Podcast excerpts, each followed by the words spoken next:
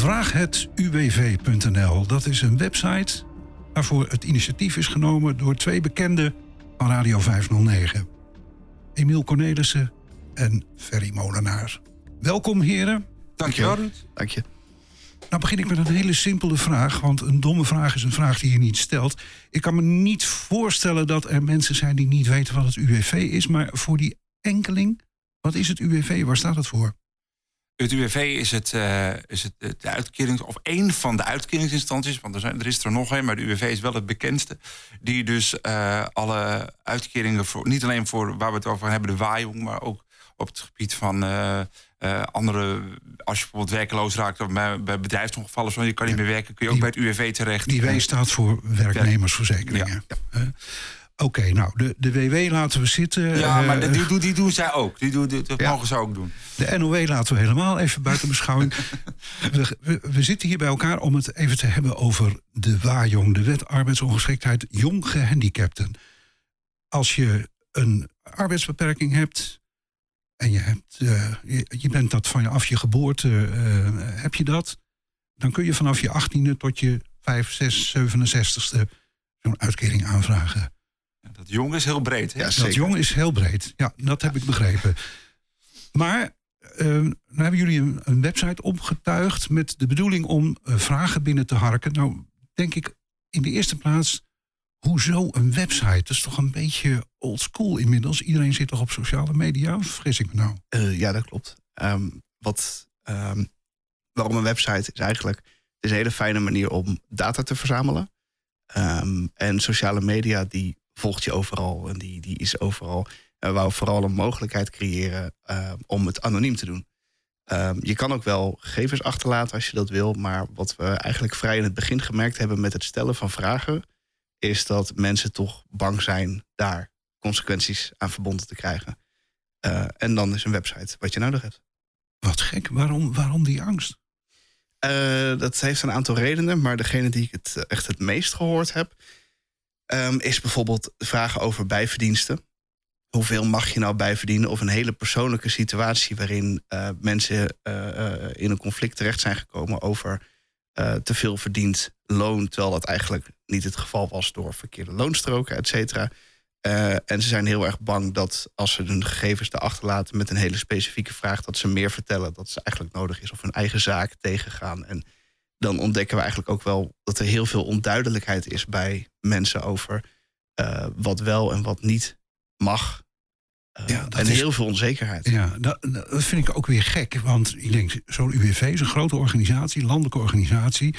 Die verstrekt toch zeker wel de nodige informatie. Uh, en als jij wil weten hoe een regeling werkt, dan vertellen ze je dat toch gewoon? Nou, dat, dat zou je denken. Uh, maar dat, dat valt dus een beetje tegen. Ze, ze, laat ik het zo zeggen. Ze proberen het uit te leggen uh, op een manier zodat die zij begrijpen. Maar of jij het als uh, waarjonger, zoals we maar even zeggen, dan altijd begrijpt, is, is, is, nog, wel een, is nog wel een dingetje. Ja. Het, het, is vooral, ze leggen je uit wanneer je er recht op hebt. Um, en en um, ongeveer hoe het werkt. Maar zodra de vragen heel concreet en inhoudelijk worden, dan zeggen ze: joh, vraag het maar aan, dan zoeken wij het wel voor je uit. En dan klinkt het alsof ze een service bieden. Uh, maar eigenlijk um, is de situatie heel vaak dat je het gewoon letterlijk moet uitproberen. En dat als je tegen de tijd dat je bijvoorbeeld weet uh, uh, wat je overhoudt aan je uitkering, als je bij gaat verdienen of als kan je gewoon een baan hebt, dan kan dat tegenvallen. Je kan niet meer terug, want die baan die heb je al. En het is voor heel veel mensen gewoon fijn om te weten: ga ik er op, onder de streep op voor of achteruit?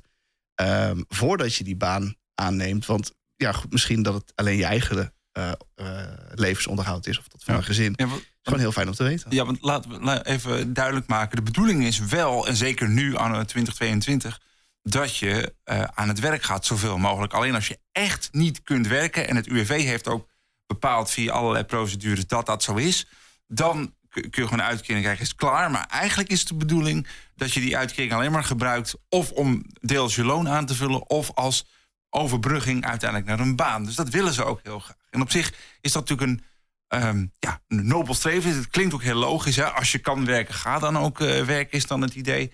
Maar dan wil je wel uh, duidelijkheid hebben over hoe dat er dan uit gaat zien... als je eenmaal gaat werken. Nou hebben we het, uh, er zijn een paar honderdduizend waarjongers in dit land... En een niet al te groot deel daarvan eh, behoort tot de groep blinden en slechtzienden. Ehm, daar zitten toch een aantal zaken bij waarvan ik denk, nou dat is toch niet zo simpel als je aan het werk wil. Uh, daar heb je vaak voorzieningen voor nodig, apparatuur voor nodig. Uh, helpt het UWV je daarbij? Uh, ja en nee. Um, ik heb ervaring vanuit een loondienstsituatie, waarin ik eigenlijk pas geholpen werd nadat ik mijn contract ondertekend heb. En dat is, dit is een van die voorbeelden waar ik tegenaan gelopen ben. eigenlijk wil je al geholpen worden voordat je je contract ondertekent. Dat op het moment dat je een startdatum hebt, dat je eigenlijk al vliegende start kan maken en alles binnen is. Maar in de praktijk is het zo dat je pas op de startdatum van je contract eens een keer een gesprek hebt met: Goh, wat heb je eigenlijk nodig? Wat moeten, we gaan, uh, wat moeten we gaan vergoeden? Oh, je hebt ook nog een taxivergoeding nodig om naar je werk te komen. Oh, dat duurt nog vier weken en dan is je contract dus al gestart. Laat staan die computer met aanpassen. Nou, bijvoorbeeld. En uh, uh, om nog heel even kort terug te komen op het, op het financiële gedeelte. bij datzelfde contract heb ik dus ook gehad dat ik ik had gelukkig een hele fijne werkgever. Nadat mijn contract gestart was, opnieuw salarisonderhandelingen ben gestart. Uh, omdat ik erachter kwam dat ik onderaan de streep minder verdiende terwijl ik meer ging werken. Ik ging net op achteruit terwijl ik dus ging werken. Dat, is zonde. En, ja, en dat is dus ook een van de, van de uh, reactie, of reacties die je regelmatig terugkrijgt als je dit uh, onderwerp dus op tafel legt. Hè, dus via die website, maar ook wel via. Want we hebben ons natuurlijk wel kenbaar gemaakt via social media. En bij social media krijg je niet echt direct een vraag, maar opmerkingen waar, wel, waar je een vraag uit zou kunnen halen. En een daarvan is dus inderdaad, ja, eh, leuk dat ik nu wat bijverdien. Maar onder de streep hou ik minder over. Hoe kan dat nou? Nou, dat is dus een vraag die je zou kunnen. En dat is niet een vraag waarmee je rechtstreeks naar het UWV kan, zeggen jullie? Nou, dat kan wel, maar dat, daar, daar, kun je, die vraag kun je wel stellen. Maar dan krijg je een heel ingewikkeld verhaal over daglonen en dat soort. Uh, en je arbeidsongeschiktheidpercentage en dat soort dingen. En vooral, Daar wordt het niet duidelijker op. En vooral stuur het maar op, dan rekenen wij het voor je uit. maar dan moet je wel eerst even je eerste loonstrook indienen. Ja, ja, Kortom, uh, jullie hebben geconstateerd dat er uh, veel vragen zijn, veel onduidelijkheden zijn.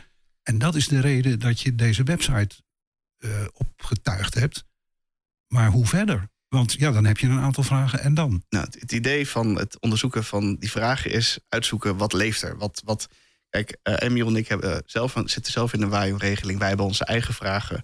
En dat is een leuk vertrekpunt. Maar we willen een beeld krijgen van wat er nog meer leeft. Zodat we uiteindelijk uh, uh, hopelijk bij het UWV kunnen gaan pitchen. Om een podcast te gaan maken, om die vragen te beantwoorden. maar ook kunnen laten zien van, goh, kijk, we hebben zoveel vragen gehad. Dit zijn ongeveer de strekking van de vragen die leven. En is het niet eens tijd om daar wat transparanter in te gaan worden? Want het levert mensen heel veel stress en onduidelijkheid op. En dat komt de arbeidssfeer ook niet te goede. En heb je het idee dat men daar gevoelig voor is? Ik hoop het. Ik, ik in elk geval wel. Dus ik, ik denk dat er binnen het UWV vast een paar mensen zijn die dat ook zijn. En ik hoop dat dat de goede mensen zijn. Want het zou zoveel fijner zijn als hier wat helderheid over komt. Nou, dat lijkt me een, een positief besluit van dit gesprek. Dank je wel. Um, heb je vragen over de WAJONG, de wet arbeidsongeschiktheid jong gehandicapten? Uh, zit je in zo'n regeling of ga je daar binnenkort gebruik van maken? Dan kun je die vragen stellen op www.vraaghetuwv.nl.